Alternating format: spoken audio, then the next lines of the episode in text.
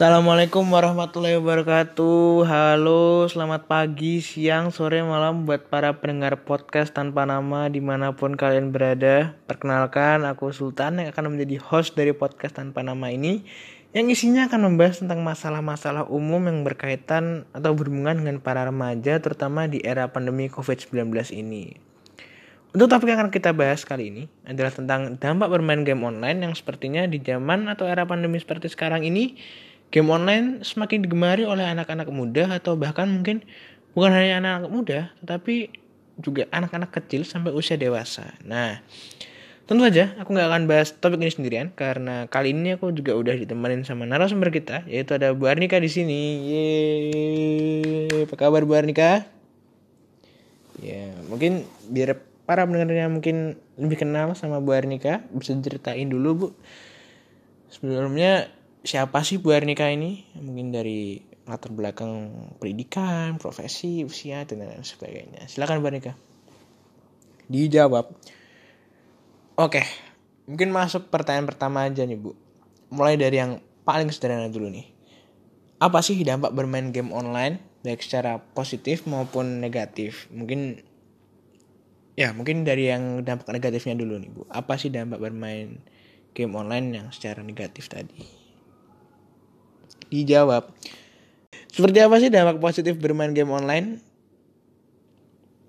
Dijawab. Nah, barusan kan sudah dijelaskan sama Bu Arnika nih. Dampak positif dan negatif dalam bermain game dari bermain game online. Oke, pertanyaannya gini. Oke, tadi kan sudah sepanjang lebar tuh, Bu. Nega, dampak positif, dampak negatif. Nah, tapi kenapa sih, Bu, kok kelihatannya dampak negatifnya ini malah lebih menonjol di kalangan remaja pada pada umumnya nih seperti kebiasaan menggunakan kata-kata kasar yang seakan-akan seperti sudah melekat dengan game online itu sendiri. Seperti lumrah begitu bu. Dan seperti saya katakan tadi sudah melekat dengan image dari game online itu sendiri atau uh, atau mungkin contoh lain yang baru-baru ini viral sekitar pertengahan bulan Ramadan kemarin tentang sujud Free Fire. Nah, mungkin Mbak Nika juga udah tahu nih yang sujudnya yang yang waktu sholat raweh video viral yang anak-anak kakinya diangkat saat sujud begitu. Nah, itu kan Nah, itu kan lebih parah lagi malah karena yang ngelakuin bukan hanya remaja tapi juga anak-anak gitu, Bu. Nah, jadi kenapa sih, Bu, dampak negatifnya ini lebih hmm, bisa dikatakan terekspos begitu atau menjadi kebiasaan yang lebih sering dilakukan sehari-hari oleh para remaja. Hmm. Dijawab.